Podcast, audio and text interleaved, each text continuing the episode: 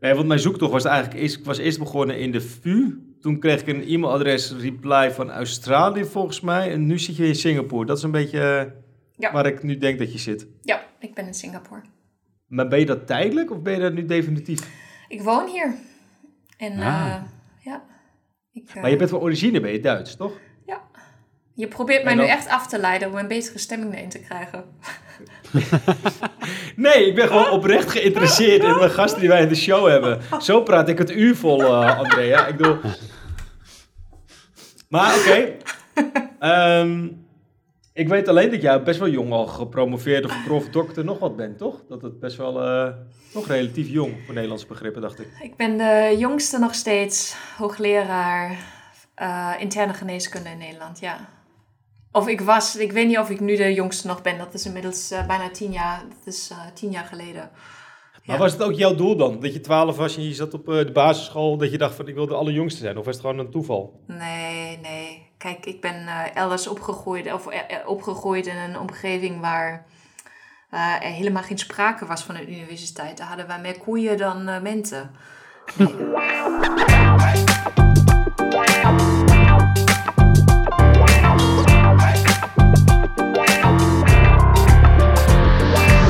Hey, welkom bij een nieuwe aflevering van een podcast over voeding. In deze podcastserie gaan we in op hypes en trends, voeding, kindervoeding, beleid, onderzoek. Eigenlijk alles wat je van I'm a Foodie gewend bent. En eh, Bart Wol van I'm a Foodie is natuurlijk ook weer bij. Hoi Bart. Hey, hallo Arnoud. En vandaag hebben we een, een speciale gast. Je hoorde het al, helemaal uit, uit Singapore eh, bij ons. Professor Dr. Andrea Maier. En eh, ja, de, de vraag is dan, hoe kunnen we als mens zo gezond mogelijk oud worden? En met deze vraag houdt Andrea zich bezig. En eh, ik, ik, ik, ik hecht hier ook altijd aan, Andrea, dus ik ga het echt proberen. Eh, je bent hoogleraar gerontologie aan de Vrije Universiteit Amsterdam en hoogleraar interne geneeskunde en geriatrie aan de University of Melbourne. Zeg ik het zo goed? Ja, behalve dat ik met name in, aan de University of Singapore werk. Ah, Ja, eh Arnoud, eh, je moet het zo zien. Eh Andrea is een best wel een druk bezette vrouw. Ik denk dat ik ongeveer negen maanden bezig ben geweest met het plannen van een, eh een podcastopname. En toen is het een keer geannuleerd door Andrea, en toen een keer door mij. Toen kwam een lockdown doorheen in de verschillende werelddelen waar Andrea ook was. Toen was de wifi slecht, dus ehm, laten we maar gewoon het actuele houden waar Andrea nu zit. Maar daarvoor heeft ze wel gezeten. ja. Absoluut. En ik ben ook eh, aan de Vrije Universiteit in Amsterdam natuurlijk bezig. Dat is de, een belangrijke affiliatie, zeker. ja. Maar eh, wij zijn er, zou ik zeggen. Carpe diem. Ja. Heel goed, en dan begin ik eh, eh, waar we eigenlijk altijd beginnen in een podcast over voeding, namelijk bij je grootste voedingsfrustratie van de afgelopen tijd. Of iets wat je is opgevallen over, over voeding in de afgelopen tijd. Dat, dat is een goede vraag. En de grootste frustratie heb ik eh, gisteren eh, met mijzelf gehad. En ik ehm, vind het altijd belangrijk om naar jezelf te kijken en pas later advies te geven wat de mensheid zou kunnen en moeten doen. En gisteren had ik zo een verlangen naar een patat speciaal. En ik kon het ergens krijgen in, eh, in Singapore. Je, de, de, de forse portie die je met name op, ik zal geen eh, brand noemen, op treinstations krijgt. En zo'n bakje waar heel veel mayonaise en curry ketchup op zit. En dan heel veel uien daarop. Ehm, en ja, dat was mijn frustratie. En natuurlijk weet ik dat deze maaltijd waarschijnlijk niet goed is voor mijn bloedvaten. Eh, dat mijn cholesterol omhoog gaat en mijn glucose eh, omhoog. Maar goed, de, de frustratie is soms dat als je verlangen hebt naar iets, dat je het dan niet krijgt in de smaak die je graag, eh, graag wilt. En dat je nog steeds het verlangen hebt, terwijl je eigenlijk weet dat hetgeen niet goed voor je is. En soms moet je je toegeven. Ja, alleen je zei al, ik zit in Singapore. Ehm, dan is het een beetje lastig om langs een Nederlands treinstation te gaan voor zo'n voor zo'n portie. Dus wa- wat, wat kun je dan? Nou, ik eh, heb eh, geprobeerd een equivalent te vinden. Maar het equivalent is eh, mij ontschoten bij de zoektocht. nee, maar het... Maar, maar hebben we nu te maken met de zagrijnige Andrea, die nog steeds gefrustreerd van gisteren is? Of eh, hebben we een beetje een relaxte Andrea voor Nee, absoluut. Kijk, ik heb het gecompenseerd met allerlei dingen en chips die, eh, die het goed hebben gedaan. Maar het gaat erom dat een menselijk lichaam ehm, ja, soms iets nodig heeft waarbij wij weten en zijn brein zegt: Oké, dit is niet handig. En dat die behoefte zodanig sterk is dat je daar zeker zagrijnig uh, van wordt. En dat een heel natuurlijk menselijke um, intuïtie is om, om zoiets te doen. Dan heeft een lichaam iets nodig of je geest heeft dit nodig. En uh, nou ja, dat is me opgevallen in mijn eigen gedrag afgelopen uh, week. Kijk, als ik iets verder kijk. Um, en jullie gaan mij zeker niet interviewen hoe mijn eigen gedrag is in termen van, van voeding, of dat hoop ik tenminste niet. Dan zou ik niet willen zeggen dat er een frustratie was afgelopen week of weken. Maar we hebben een heel goed onderzoeksprojectje opgezet in Singapore, in Queenstown. Dat is een groot district waar heel veel duizenden mensen wonen. En daar zijn wij mee bezig om te zien, oké, welke voeding en welke uh, voedingswaarden zouden wij willen aanbieden voor, voor deze wijk? Hoe goed kunnen we eigenlijk voeding als een soort van medicijn gebruiken om langlevendheid te introduceren in de wijk? En ik moet zeggen dat het um, de discussie een beetje stroep lief. Um, omdat voeding toch heel vaak nog niet helemaal als een soort van medicijn gezien wordt. Tuurlijk uh, wordt er op calorieën gelet, er wordt op vitamine gelet. En, um, maar toch kon ik die discussie niet zodanig leiden dat het dezelfde impact had, zoals bijvoorbeeld de discussie over meer bewegen in, in de wijk. Dus um, ja, dat is ook nog een anekdote van afgelopen week. En hoe, uh, hoe is voeding een medicijn? Want dat zei je net terloops. Maar hoe, hoe moet je dat als medicijn zien dan? Nou, ik ben, ben arts, ik ben internist. Um, en ik probeer als geneeskundige het lichaam zodanig te manipuleren dat het lichaam verbetert. En dat doe ik heel vaak met medicijnen. Uh, ik doe het met stofjes die bijvoorbeeld uit de natuur komen. Denk bijvoorbeeld aan uh, vingerhoed. Uh, en daar komt digitalis uit. Daar ga ik het hartritme mee proberen te manipuleren. En zo zijn er heel veel medicijnen die eigenlijk uit, uit planten komen of uit dieren komen. Die wij inzetten als medicijn. Wij zien onze voeding zelf niet als medicijn, maar ik probeer heel vaak deze analogie te gebruiken, omdat ik denk dat wij, ja, wij eten drie keer per dag, sommigen eten zes keer per dag, uh, sommigen eten maar twee keer per dag, maar we nemen steeds maar voeding in. En we zouden ook, het ook kunnen zien als medicijn. En medicijn maakt het iets aantrekkelijker, omdat dan ga je nog erover nadenken, goh, welke werking heeft dat? En uh, wij onderschatten heel vaak dat de voeding die wij innemen, dat dat ons lichaam beïnvloedt. Um, en daarom ben ik natuurlijk ook begonnen met het voorbeeld van de patat. Uh, omdat het waarschijnlijk toch niet zo'n goed, uh, goed effect op mijn verouderingsproces uh, heeft. Dus wij kunnen voeding zien als iets wat ja, gezellig is om samen te nuttigen. Maar we kunnen ook uit de medische hoek voeding zien als, in, als een medicijn. Wat je zelfs op recept zou kunnen schrijven. En dat doen we natuurlijk heel vaak omdat wij geven voedingssupplementen of wij geven bepaalde ingrediënten. En wij verleiden onze cliënten of patiënten ertoe om van het een toch meer te nemen dan van het andere. Ja, en uh, je hebt het nu over voeding als medicijn. Um, maar als ik het wel heb, is het ook je doel om ouder worden als ziekte te, te zien. Hoe, uh, hoe zit dat? Nee, mijn, mijn doel is het niet dat jij je nu ziek voelt. Omdat oh. jij veroudert op dit moment. Uh, Bart doet dat op dit moment uh, ook. Um, en ik zie hem nu bijna schudden. Nee, dat, uh, dat gebeurt niet. Maar iedereen die nu luistert, veroudert. Um, en wat is veroudering? De tijd komt in aanraking met een lichaam. En daardoor dat wij in leven zijn, gebruiken wij ons lichaam. En daardoor lopen wij schade op. En uh, soort van krassen op ons lichaam en in ons lichaam. Dat proberen wij te repareren. Dat lukt niet. En aan het einde zijn er zoveel krassen dat er ziekten uh, ontstaan. Dat is in principe veroudering.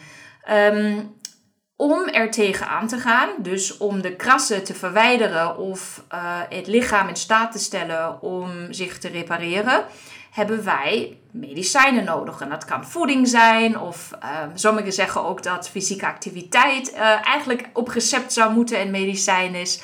Of wij geven middelen tegen hoge bloeddruk of uh, tegen een hoog cholesterol, dus echte medicijnen. Dat kunnen we pas doen als wij een ziekte hebben. Dus als wij iets gaan proberen te genezen wat afwijkend is. En daarom hebben wij heel lang, nou, hebben we heel lang daarvoor nodig gehad. Hebben wij heel lang uh, geprobeerd om veroudering of de, de schade die opgelopen is door veroudering, dat we dat een ziekte konden noemen. Uh, omdat hebben we als geneesheer of geneeskundige nodig om dus ook medicijnen überhaupt voor te schrijven. Dat is niet zo om psychologisch nu iedereen zich ziek te laten voelen, omdat je nu een ziekte hebt. Maar om überhaupt iets te kunnen doen aan het verouderingsproces zelf. En uh, dat is gelukt. Dus wij hebben nu een ICD-11-code. En ICD staat voor International Classification of Disease. En dat is mhm. de 11e editie. En er zijn twee codes in opgenomen uh, die of de leeftijd beschrijven, een daarmee gerelateerde ziekte, dan wel het biologische aftakelingsproces zelf, wat nu ook een code heeft en daarmee ja, in, in ziekte uh, is. Dat is opgenomen in de International Classification of Disease Code. En daarmee kunnen wij veroudering een, uh, in, in ziekte noemen. En dus kunnen wij interveneren.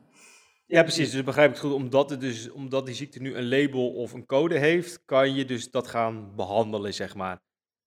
Dat begrijp ik goed. Oké. Ja. En wanneer begint het verouderingsproces eigenlijk al? Want uh, ik heb ook wel eens gelezen dat je, je hersenen die ontwikkelen zich tot een jaar of 22 of zo. Maar vanaf je 28ste begin je eigenlijk weer met aftakelen. Dus dan heb je netto een soort van zes jaar dat je in je optimum bent. En dan... Uh... Ja, dat, uh, dat klopt.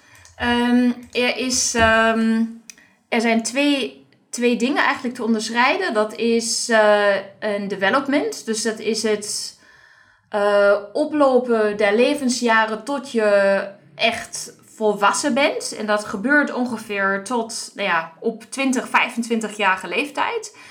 Um, en dat is de ontwikkeling. En vervolgens heb je een heel korte periode van een plateau waar je echt op het maximale bent van je kunnen, zowel mentaal als ook uh, fysiek. En vervolgens is er een aftakeling. Dus um, je lichaam gaat vooruit tot en met ongeveer 20, op 20-jarige leeftijd, 25-jarige leeftijd heb je het maximum en daarna gaat het achteruit. Dus wij kunnen inmiddels, als wij naar alle orgaansystemen kijken, laten zien dat in lichaam uh, op 25, 26-jarige leeftijd al veroudert. Um, als we bijvoorbeeld naar de hersenen kijken, we kijken naar de longen of we kijken naar uh, de lever, kunnen we als wij data van 26-jarigen vergelijken en die vervolgen. En dat is in een heel klein stadje in Nieuw-Zeeland gedaan, waarbij ze 26-jarigen hebben geïncludeerd. Ze hebben heel veel um, metingen met hun gedaan naar alle orgaansystemen. En hebben ze vervolgd. En ze zijn nu rond uh, eh, 45 jaar. En je ziet dat alle orgaansystemen achteruit zijn gegaan. En al deze achteruitgangen van de orgaansystemen leiden op een gegeven moment tot een ziekte.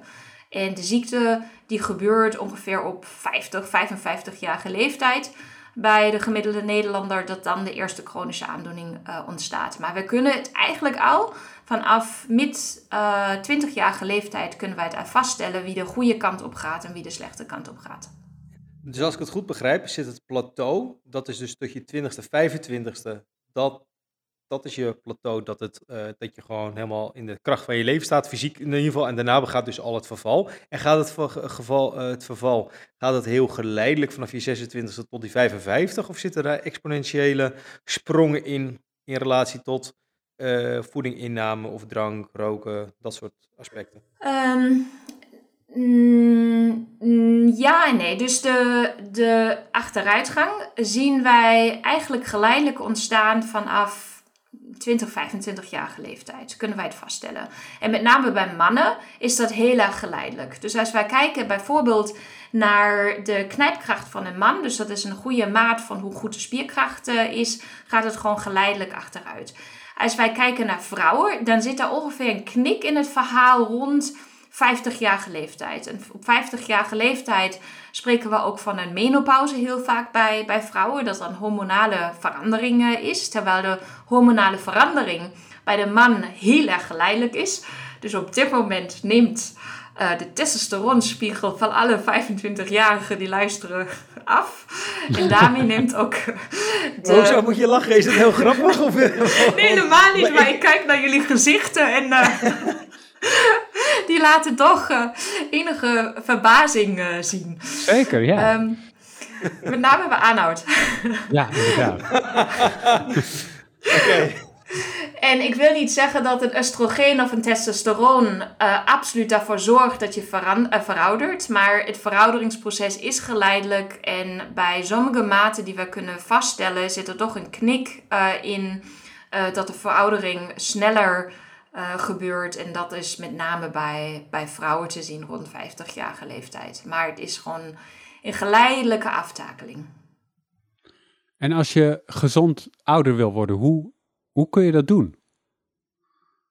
kun je iets ehm, doen? Er zijn een aantal ingrediënten noodzakelijk om gezond uh, ouder te worden. Uh, het eerste is dat je de goede ouders moet hebben. Dus je moet gewoon een afkommeling zijn van een sterk geslacht. En sterk is, als wij het hebben over een familiaire inbedding, is de juiste genen mee uh, krijgen omdat de langlevendheid rond 20, 25 procent genetisch bepaald is. Dus dat is heel erg belangrijk. Dus goede ouders hebben die heel lang leven. Wij weten dat als wij mensen vragen: Goh, hoe oud is uh, uw oma of uh, opa? En heeft een opa en oma nog heel lang levende zussen en broers?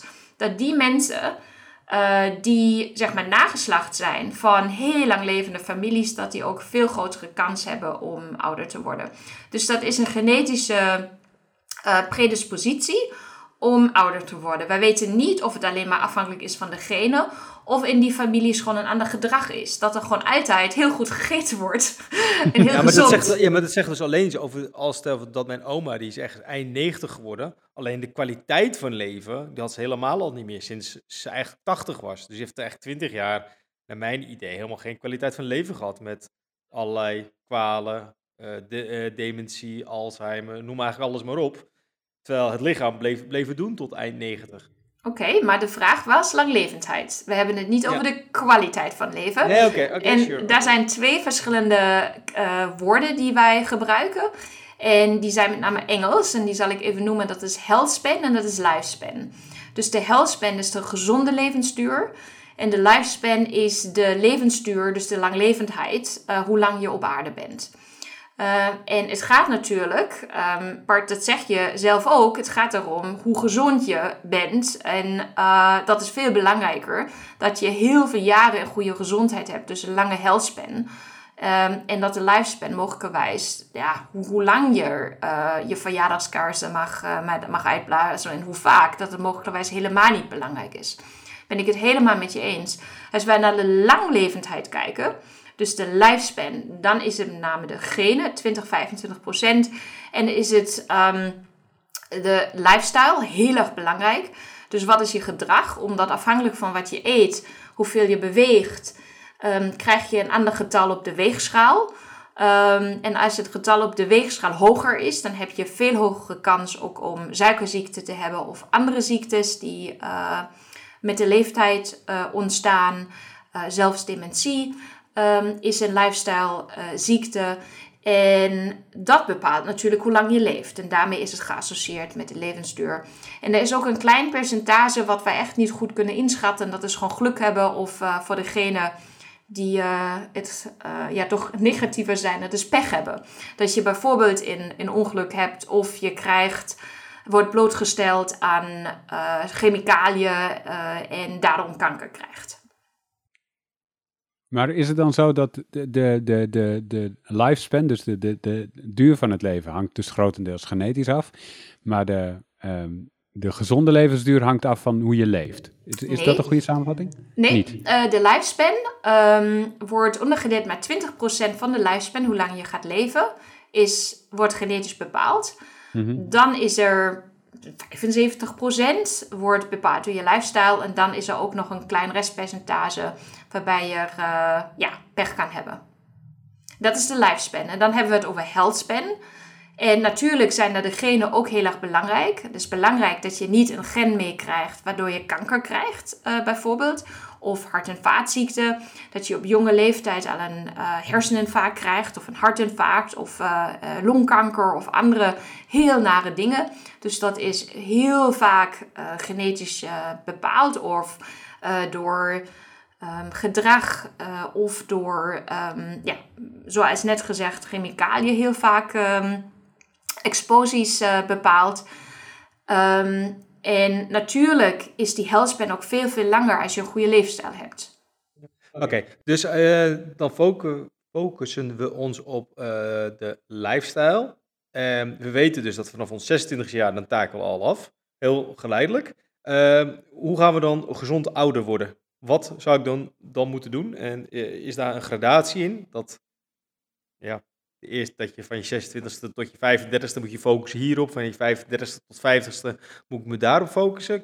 Kan ik op die manier naar kijken of zie ik het compleet verkeerd?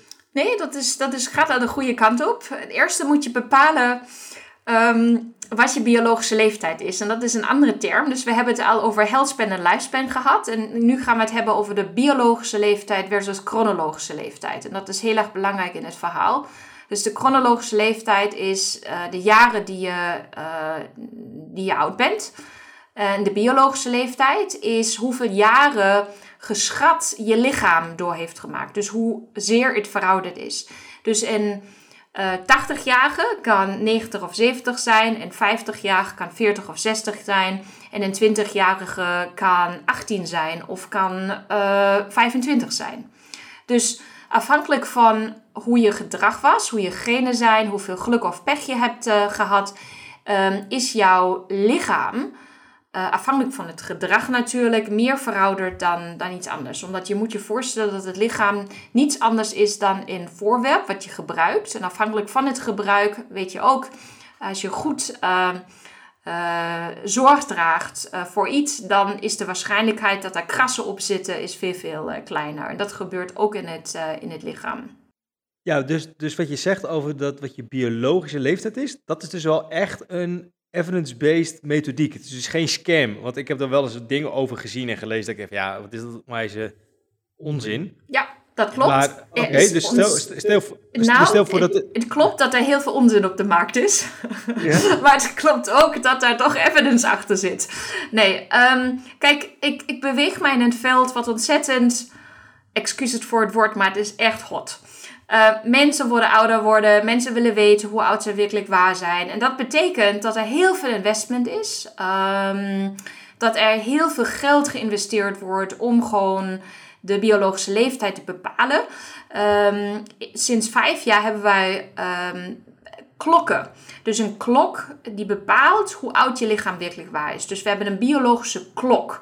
En afhankelijk van hoeveel, ik noem het maar even krassen, uh, interne en externe, op je buitenkant en de binnenkant het lichaam heeft, is die klok dus um, uh, minus uh, twee uur of twee jaar of twintig jaar. En zo kunnen we bepalen ongeveer hoe je lichaam staat ten opzichte van ja, de chronologische tijd zelf. En natuurlijk, daardoor dat er zoveel navraag is, zijn er ook heel erg slechte producten op de markt. Dus je moet heel erg voorzichtig zijn wat je doet.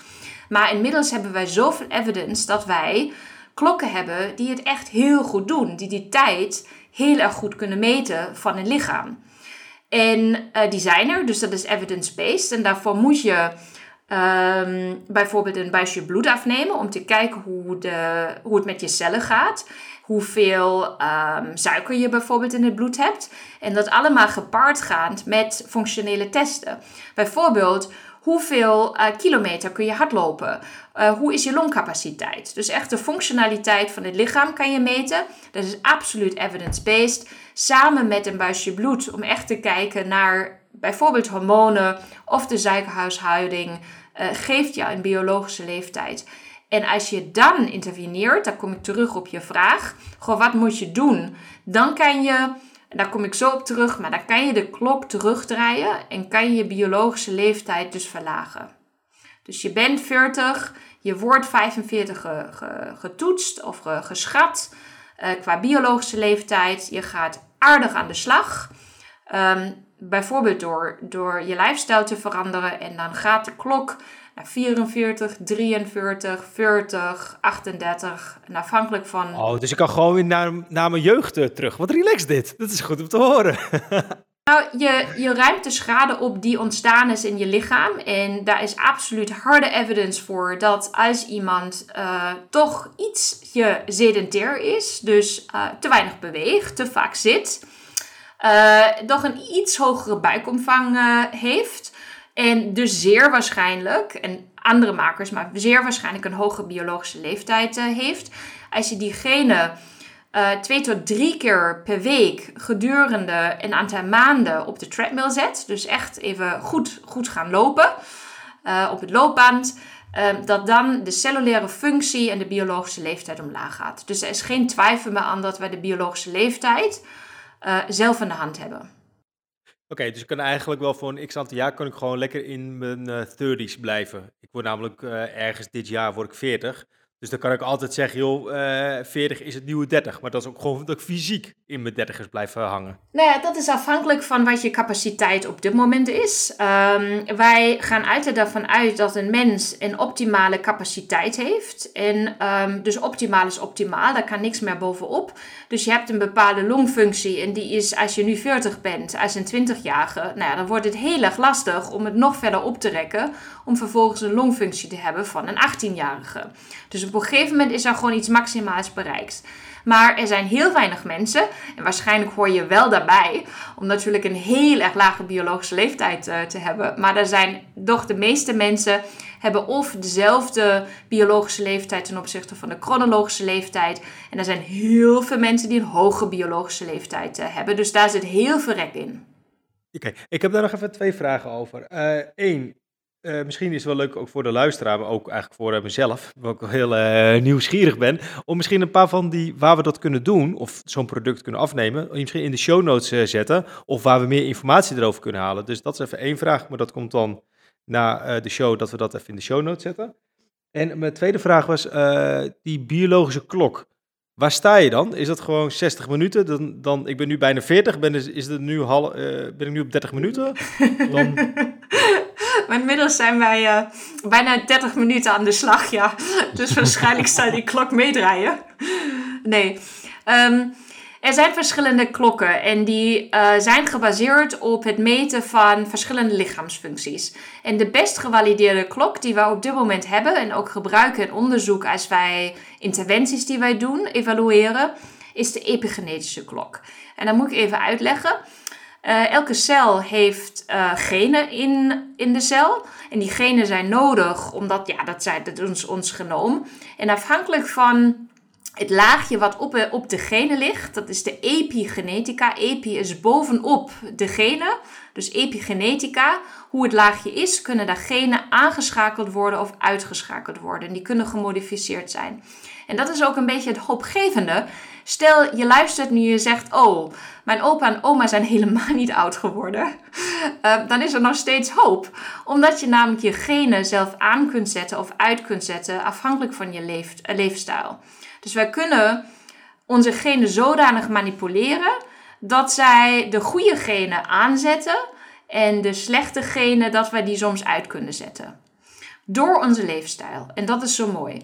En dus hebben we onderzoekers bedacht: oké, kan ik het laagje op de genen, kan ik het meten? En kan ik dus niet alleen maar, of hoef ik niet alleen maar naar de goede genen en de slechte genen kijken, maar kan ik kijken welke genen in principe aanstaan en welke uitstaan. En afhankelijk van of een gen aanstaat of uitstaat, worden er bepaalde proteïnen gemaakt en ja, gaat je cel aan de slag. Dus de genen zijn, ja, is de informatie, is eigenlijk het soort van boek uh, om, om, genen, om, om cellen te laten functioneren. Dus het is heel erg belangrijk, zeg maar, welk chapter je leest. Dus op welke bladzijde je bent. En dat wordt door leefstijl beïnvloed. En wij kunnen dus nu afhankelijk van welke genen aanstaan en uitstaan, zeg maar hoe die genen beïnvloed worden door de epigenetica, hebben wij, oh, is er een klok gemaakt. En die klok wordt vergeleken met uh, andere lichaamscellen en daar kunnen wij een tijd inschatten. En dus de epigenetische klok is de meest gebruikte op dit moment om te zien, oké, hoe oud ben je nu eigenlijk werkelijk waar? Is dat helder, Bart? Ja. En als je dat eenmaal weet en, uh, en, en je bent net als Bart uh, bijna 40, hoe kan je dan uiteindelijk zorgen dat je uh, dertiger blijft, zeg maar, qua biologische leeftijd? Ja, dan is het belangrijk om te zien, oké, wat doe je nu al? En daar zijn vier heel grote ingrediënten die we allemaal kennen. En dat is ja, bepaald door je leeftijd. Dus tenminste 10.000 stappen of veel meer nog uh, lopen. Dus echt goede fysieke activiteit. De sedentair gedrag uh, omlaag brengen. Uh, belangrijkste is om een, om een lage BMI te hebben, dus de body mass index. Die wordt natuurlijk bepaald door hoeveel je beweegt en wat je, wat je eet. En met name ook hoeveel je eet. Dus dat is heel erg belangrijk. En er zijn zelfs nou ja, inmiddels ingrediënten van, van hoe wat je zou moeten eten, maar met name ook hoeveel je zou eten en wanneer je zou moeten eten, wat heel erg belangrijk eh, is. Bijvoorbeeld intermittent fasting, dan wel calorische restrictie, gaat gepaard met een verlagen van de biologische leeftijd. Dus het verlagen, terugdraaien van de klok die ingegeven wordt door de epigenetica, wat ik net heb, uh, heb uitgelegd. Naast fysieke activiteit en uh, dieet, uh, of, of hetgeen wat je eet, wanneer je het eet en hoeveel je eet, is slaap een heel erg belangrijke. En daar leren wij wetenschappers nu eigenlijk pas de afgelopen 5 tot 10 jaar hoe belangrijk slaap is. Dus een uh, slaapduur van tenminste 7, 8 uur op ons leeftijd is gewoon heel erg belangrijk. Omdat als die slaapduur veel, veel lager is, en je veel korter slaapt, is dat weer geassocieerd met risico's, zoals het krijgen van dementie, hart- en vaatziekten en andere narigheid. Dus het lijkt zo te zijn dat ons lichaam die rustperiode nodig heeft om het lichaam goed op te ruimen. Dat wij lekker kunnen dromen in onze remslaap en uh, de dag kunnen verwerken. Dus dat is heel erg belangrijk. En nou ja, ik, ik hoef in, uh, in, in, in dit kader denk ik niet te noemen dat roken en alcoholgebruik of niet moet, of uh, dan wel geminimaliseerd moet, moet zijn. Dus dat zijn de, de leefstijlingrediënten. Maar met name de slaap, denk ik, is, is heel erg belangrijk, wat ook heel makkelijk gemeten kan, kan worden. Ja, begrijp ik het goed wat je net zei over intermittent fasting? Dat is een vorm van een dieetmethode, toch? Want je, want je, want je sluit dingen uit. Dat jij dat dan in relatie brengt met iets, iets positiefs, omdat althans, je zei volgens mij, als je dat doet, heeft het effect op je biologische klok, dat je hem kan terugdraaien. Maar eigenlijk is dat toch helemaal geen uh, permanente uh, leefstijlverandering. Want mensen die kunnen een, dat, die dieetvorm bijvoorbeeld zes of acht weken vol, volhouden. Of die houden dat vol en daarna vervallen ze weer in hun standaardgedrag. Dus dan is toch een dieet aan zich toch geen permanente gedragsverandering waarbij die biologische klok echt terugdraait? Nou, dat is wel de vraag, omdat wij zien als uh, mensen intermittent fasting volhouden, dat na een aantal maanden de biologische leeftijd wel omlaag gaat. Maar dan is natuurlijk de vraag, oké, als je weer uh, wel weer eet en niet beweegt, natuurlijk gaat je BMI dan weer stijgen. Maar goed, dat is een lifestyle um, probleem wat wij, wij hebben. Uh, hoe kan je het gedrag wat positief werkt op het gebruik en uh, het herstel van je lichaam bevorderen, dat het gewoon ook heel erg aantrekkelijk is. Waarbij intermittent fasting klinkt heel erg, maar eigenlijk is het ook niet zo erg. En nogmaals, het is echt uh, een nieuwkomer, um, zou ik zeggen, binnen de langlevendheidsinterventies, de intermittent fasting. We weten al uit diermodellen dat um, als je intermittent fasting toepast, dan wel, dat is wel iets anders, calorische restrictie, uh, dat er heel veel goede dingen ontstaan in je, in je lichaam en dat je zo meer beschermd uh, wordt tegen uh, leeftijdsgerelateerde aandoeningen. En um, ik word heel vaak gevraagd, ja, maar wat moet ik dan doen intermittent uh, fasting? Um, en er zijn verschillende modellen voor. Je kunt bijvoorbeeld twee weken heel normaal eten en dan heb je een weekend waarbij je heel weinig eet en eigenlijk alleen maar water drinkt. Dus het is echt vasten. Uh, waarbij je je lichaam de kans geeft om de schade wat er ontstaan is op te ruimen. Om echt um, even geen voedsel uh, te geven. Waarbij voedsel altijd zorgt in cellen dat zij um, moeten reageren en dat zij moeten bewegen. Eigenlijk geef je jouw lichaam een beetje een vakantie en een rustperiode om maar niet met voedsel bezig uh, te zijn. Maar er zijn ook regimes waarbij je zegt: oké, um, je gaat 8 tot 10 uur per dag ga je wel eten en de rest ga je vasten. En heel veel mensen doen dat al. Ik eet bijvoorbeeld heel weinig in de, in de ochtend, omdat ja, tenminste toen ik in uh, Nederland nog woonde, altijd te laat was en in de file moest staan. Gelukkig hoef ik dat nu niet meer. Maar het intermittent fasting was er eigenlijk al ingegeven. Dus je geeft het lichaam de kans om even niet met voedsel bezig te zijn. Dat ligt erachter. En daarmee jouw, jouw lichaamcellen gevoeliger te maken voor suiker bijvoorbeeld, dat het sneller opgenomen wordt. Ik, ik zie Bart kijken alsof hij nog een vraag op zijn lippen heeft, maar nog niemaal uit is wat die vraag precies is. Volgens mij denkt hij, wanneer ga ik hiermee starten? Nee, helemaal niet. Nou, het is meer van de, zowel Arnett als ik. Wij zijn geen inhoudsdeskundigen, wij zijn geen voedingswetenschappers of diëtisten. Ik weet alleen wel dat wij uh, een aantal blogs erover hebben geschreven, waar volgens mij de teneur was uh, dat we dat niet per definitie uh, omarmen, zeg maar. Omdat het een ja, grote vorm van tijdelijkheid is of het wordt een wederom ingestoken op een dieet. Dus uh, ja, ik, ik, kan, ik, ik kan er dus niet inhoudelijk op reageren. Of ja, wat, ik ben wel heel erg benieuwd uh, wat een, wat, ja, hoe een diëtist hier, hier, hier naar kijkt, inhoudelijk gezien. Of die het, wat je zegt, ook omarmt. Of dat die daar toch een ander standpunt in heeft. Dat is een mooie discussie, denk ik, voor een podcast waarbij een diëtist mijzelf uitnodigt. Nu heb ik mijzelf ja, uitgenodigd. ja, ik neem hem zeker ter harte. Dus uh, ik, we gaan het zeker even regelen. Met de tempo voor nu duurt het nog anderhalf jaar. Maar uh, hij komt eraan. Ik, dat, ik schrijf hem op. Helemaal goed. Hey, even iets anders, Andrea. Er zijn ook heel veel commerciële initiatieven voor van die health checks of zo'n, ik weet niet precies, heet dat health check of full body check of zoiets waarbij ze zoveel mogelijk nagaan. Um, eh, om, om, om aandoeningen tijdig op te sporen en zo. Is dat iets waar je voorstander van bent of zeg je nee, dat werkt echt gewoon helemaal niet? Het is afhankelijk van wat je checkt. Uh, in principe ben ik ervoor vanaf um, ehm, 25-jarige leeftijd echt een jaarlijkse check te doen. Om te zien um, hoe je lichaam achteruit gaat. En ja, mogelijkerwijs kan je daarvoor pleiten dat elk jaar op 25-jarige leeftijd een beetje te veel is. Maar data, als je data over het functioneren van je eigen lichaam he hebt uh, brengen je of leiden je tot conclusies of het de goede kant uitgaat of niet. En wat zeg maar het aftafelingsproces, hoe de snelheid van het aftafelingsproces nu werkelijk is. En ik zal even een analogie trekken. Wij vinden het heel normaal als een kind groeit om elke, elk jaar of, of zelfs elke maand in een babyleeftijd een kind te meten en te wegen. En daarvoor te zorgen dat de vaccinaties daarin gaan, et cetera. En op een gegeven moment, als je ongeveer op de basisschool bent, dan houden wij daarmee op. En dat is heel erg bijzonder, omdat wij houden ons lichaam in de fase van groei, houden wij heel goed in de gaten. Maar dat doen wij niet uh, op uh, leeftijden van, van 15 tot 25, zeg maar om de piek van ons kunnen lichamelijk te maximaliseren. En wat wij zeker niet doen, is de aftakeling uh, laten zien vanaf 25 tot nou, ongeveer 65 jaar leeftijd. Oké, er zijn voor vrouwen worden daar screeningsmomenten ingepland voor baarmoederhalskanker of voor colonkanker bij de gehele bevolking. Dus ongeveer vanaf nou ja, voor baarmoederhalskanker is het iets eerder. Maar eigenlijk hoeven wij niet naar de huisarts of te screenen um, tot en met ons 50, 60 jaar leeftijd. En dat is wel heel erg bijzonder.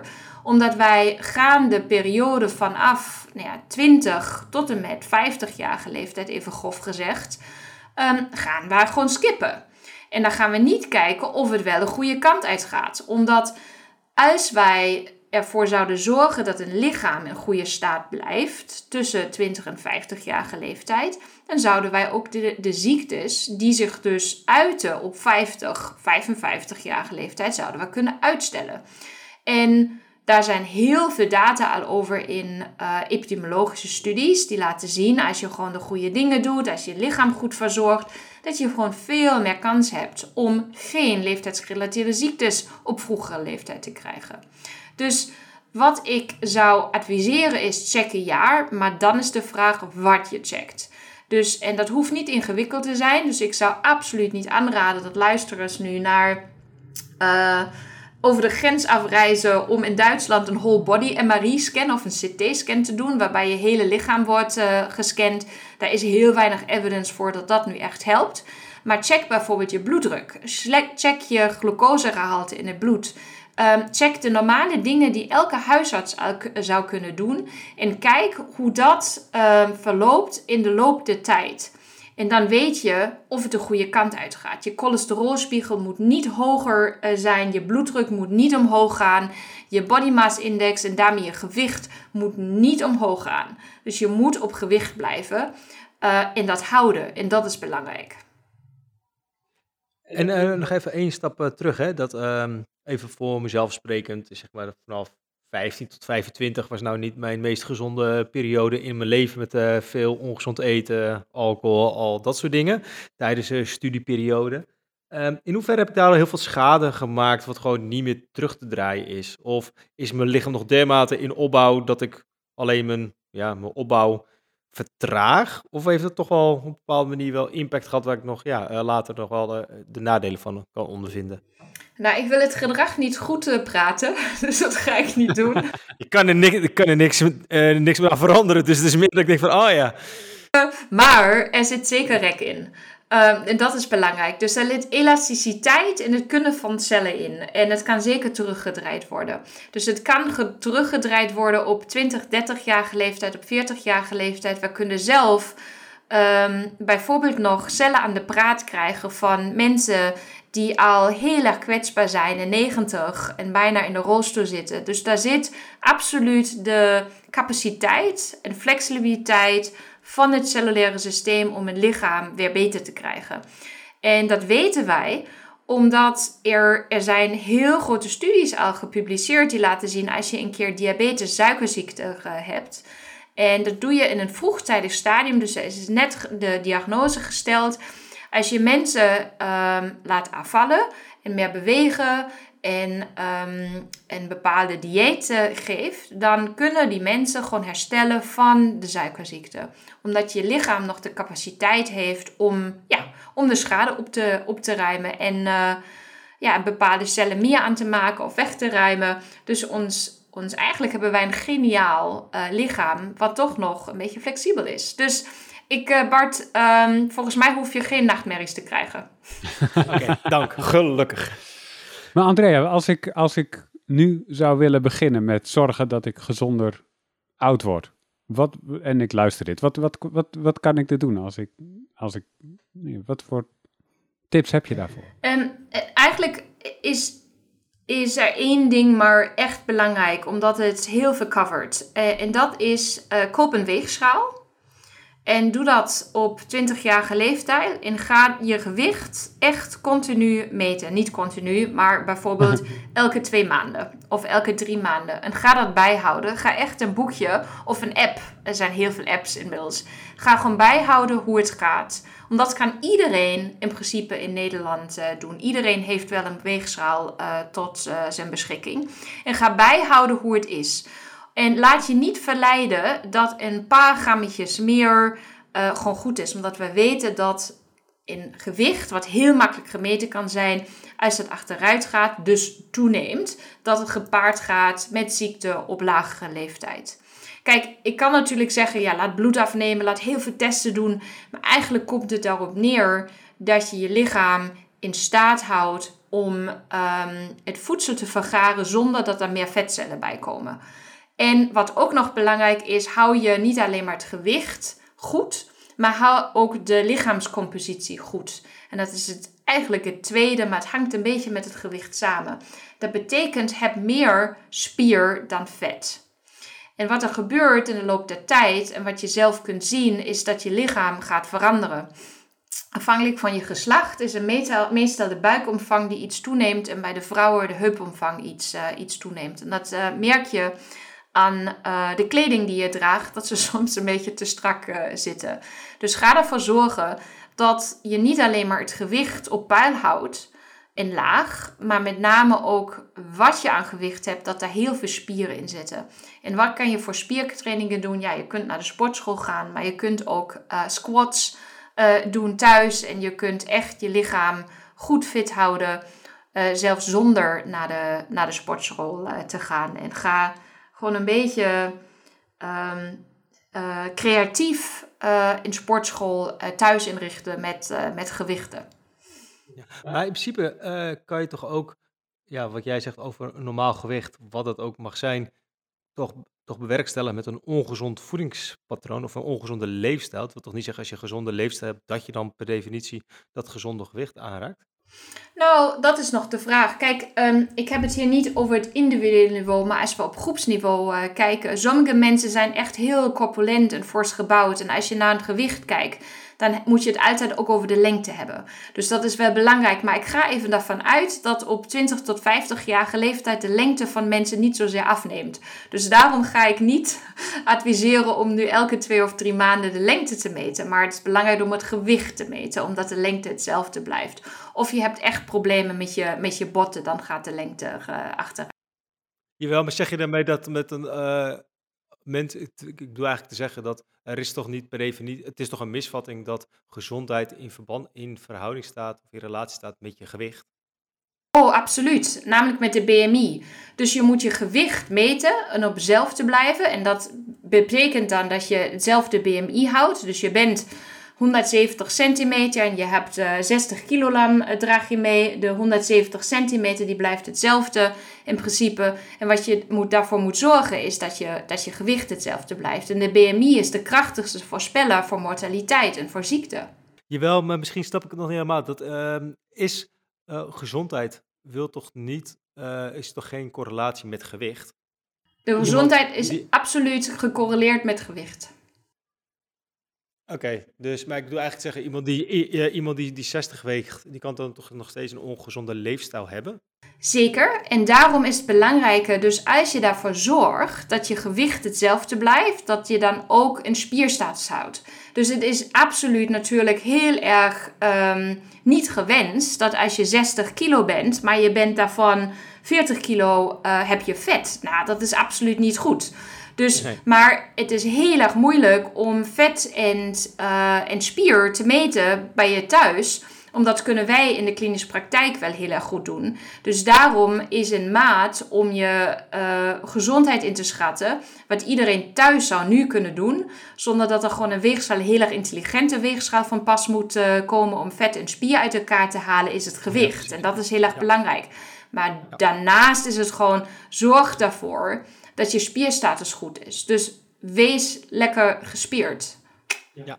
Nog even een kleine zijstap erover, want ter voorbereiding van de, deze podcast-opname zag ik ook een item van jou uh, dat je al daarmee kan starten met uh, elke dag tanden poetsen. Dat doe je gemiddeld een twee keer per dag. Dan moet je eerst op één been staan en dan moet je, kan je nog je enkel draaien en een beetje je knieën gebogen. Uh, idealiter nog je ogen dicht. Als je dan, dan nog steeds niet omvalt, dat je ook nog eens een keer de maanden achterstevoren moet gaan opnoemen.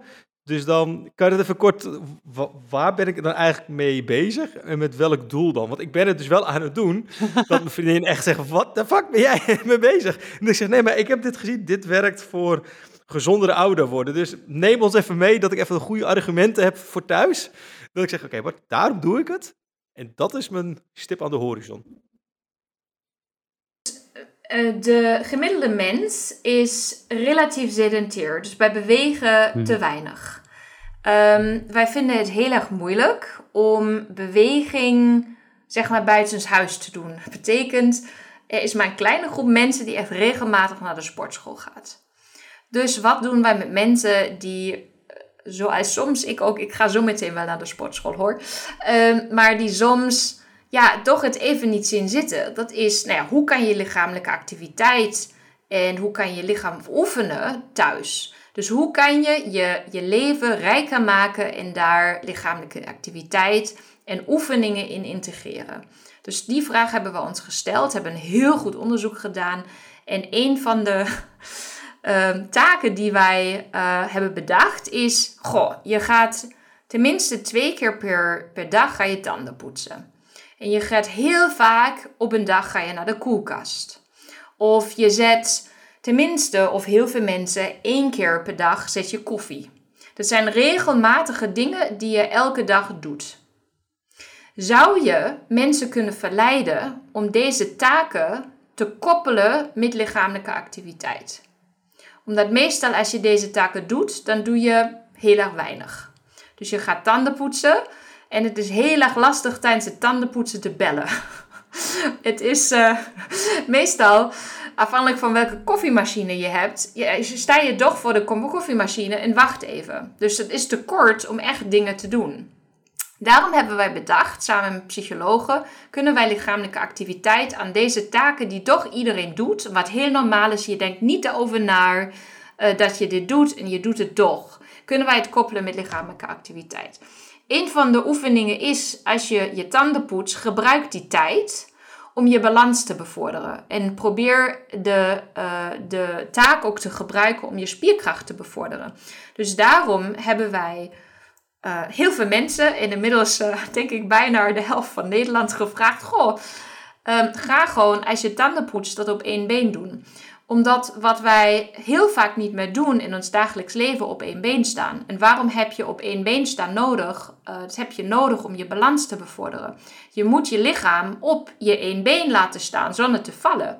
En waarom heb je balans nodig? Balans heb je nodig dat als je bijvoorbeeld struikelt, je wel even zo snel bent en heel snel weer op je voeten kunt staan om valpartijen te voorkomen en daarmee heel waarschijnlijk heupfracturen te voorkomen of polsfracturen. Dus je hebt goede balans nodig. Dus we vragen niet alleen maar mensen, of we adviseren niet alleen maar mensen op één been tanden te poetsen, maar ook de ogen te sluiten. Dus wat, ehm, waarom vragen wij mensen om de ogen te sluiten? De ogen zijn nodig om je lichaam in balans te houden. Dus het is veel erg moeilijker, erg moeilijk om um, met je gesloten ogen in balans te blijven. Omdat je namelijk met je ogen corrigeert. Dus we halen een heel belangrijk zinsorgaan, ogen, weg. Dus je kunt niet zien. Dus ben je afhankelijk van je spieren en van je botten dat die je oprecht houden, zodat je niet valt.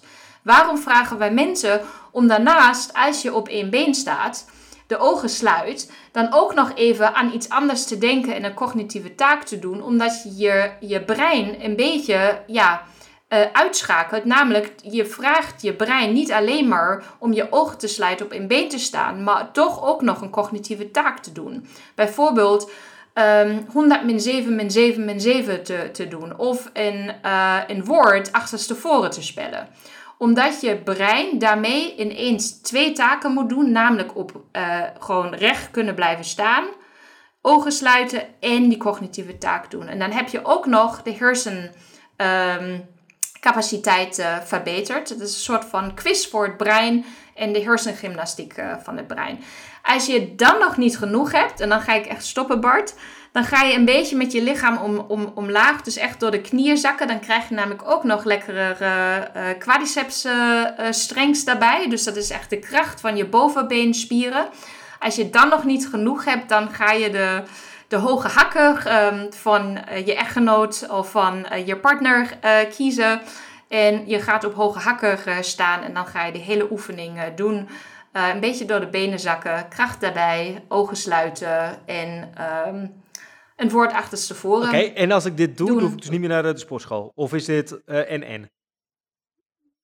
Nee, dan heb je de balans heel erg goed in de gaten gehouden en dat twee keer per, per dag. Dus dat is heel erg, dat is een balansoefening.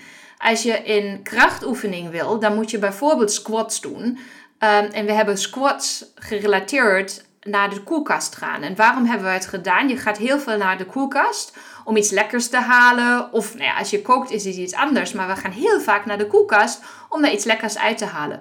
Waarom hebben wij naar de koelkast gaan gekoppeld aan squats? Eén, je gaat nou ja, lekker um, daarvoor zorgen dat je kracht omhoog gaat door die squats. Maar aan de andere kant heb je ook even de tijd erover na te denken of je echt naar de koelkast moet gaan. Omdat als je loopt naar de koelkast, dan duurt het uh, iets korter dan squattend naar de koelkast gaan. En zo hebben wij gewoon ja, psychologische trucs uh, gebruikt om mensen lichamelijk in beweging uh, te krijgen en te houden. Ik ga dit serieus doen, Bart. Ik ga dit gewoon proberen. Ik ben hier heel benieuwd nou, naar. Die uh, squats die kende ik nog niet. Dat, -huh. Dus dat ga ik ook doen. Of gewoon van die lunches, dus je hele grote stappen neemt. En dat je net gaat heen en ga je toch weer terug. Nee, ik ga wel doen. Echt jongen, ik, mijn vriendin die zal... Zullen wij de koffiemachine nog doen? En dan, uh, is goed, ja hoor, de koffiemachine. Wat, wat kun je dan doen? Dus de koffiemachine, waarschijnlijk, uh, dat is het nieuwste. Je wacht uh, op een koffiemachine en ik ga je echt de, de koffie niet, uh, niet afpakken. Maar het is toch altijd een beetje de tijd waarbij je toch weinig, weinig doet. Je hebt geen tijd om echt de afwas te doen, et cetera. Dus uh, wat wij mensen adviseren, als je een koffiemachine ziet, ga gewoon 20 keer echt omhoog springen. En waarom vragen wij mensen uh, omhoog te springen? 1, 20 keer omhoog springen is uh, cardiovasculaire fitness. Dus je bent echt even buiten adem als je dat uh, doet. Maar de nieuwste resultaten laten zien als je 20 keer en dan het liefst twee keer per dag, dus twee keer per dag koffie zetten. Um, als je dat 20 keer doet, dan gaat je potdichtheid in je heupkoppen gaat omhoog. En waarom is dat zo? Omdat je als je springt, je gewicht gebruikt en die gaat gewoon neervallen op die heupkoppen. En daarom, uh, daardoor worden die, uh, de, de cellen uh, in de heupkoppen geactiveerd en daar gaat meer botdichtheid in. En waarom is botdichtheid heel erg belangrijk? Omdat als je valt en je hebt een hoge botdichtheid, is de kans op een fractuur of een botbreuk veel, veel lager. Yes. Hey Andrea, we komen langzaamaan richting uh, het einde van deze podcast. Maar ik wil je nog wel vragen, wie zouden we nog meer uh, moeten hebben in deze podcast als het gaat om veroudering en voeding? Nou, ik zou jullie willen aanraden dat jullie het wagen om een en ander bedrijf uit te nodigen. En die gegevens kan ik jullie geven om een keer het, um, ja, eigenlijk het van de businesskant te zien. hoe um, nieuwe bedrijven of start-ups, die er zeker ook in Nederland zijn, met dit onderwerp mm -hmm. omgaan. Helemaal goed, ik zie het Bart opschrijven terwijl je praat. Ja, um, zeker. Nou, uh, uh, stuur me door uh, als je wilt. Dan kunnen we het inderdaad even bekijken. En misschien kunnen we ook wel een gecombineerde show van maken. Zowel vanuit de, de industrie, maar ook nog met een diëtist in relatie tot intermittent fasting. Het wordt een gezellige show, denk ik. Hey Bart, zijn er nog, zijn er nog dingen vanuit I'm a Foodie die je eventjes tot slot onder de aandacht wil brengen? Nee, nee. Ik vond het wel... ik laat dit me even allemaal even inzinken. de lunches, de squats, balans, springen. Ik uh, denk dat we het uh, daar even bij moeten laten, Arnoud. Ja, Andrea, dankjewel voor uh, dat je tijd voor ons maakte en dat je in deze podcast was. Dank jullie wel. En dankjewel Bart. En ja. jij bedankt voor het luisteren en tot de volgende keer. Ja, later. Hoi hoi.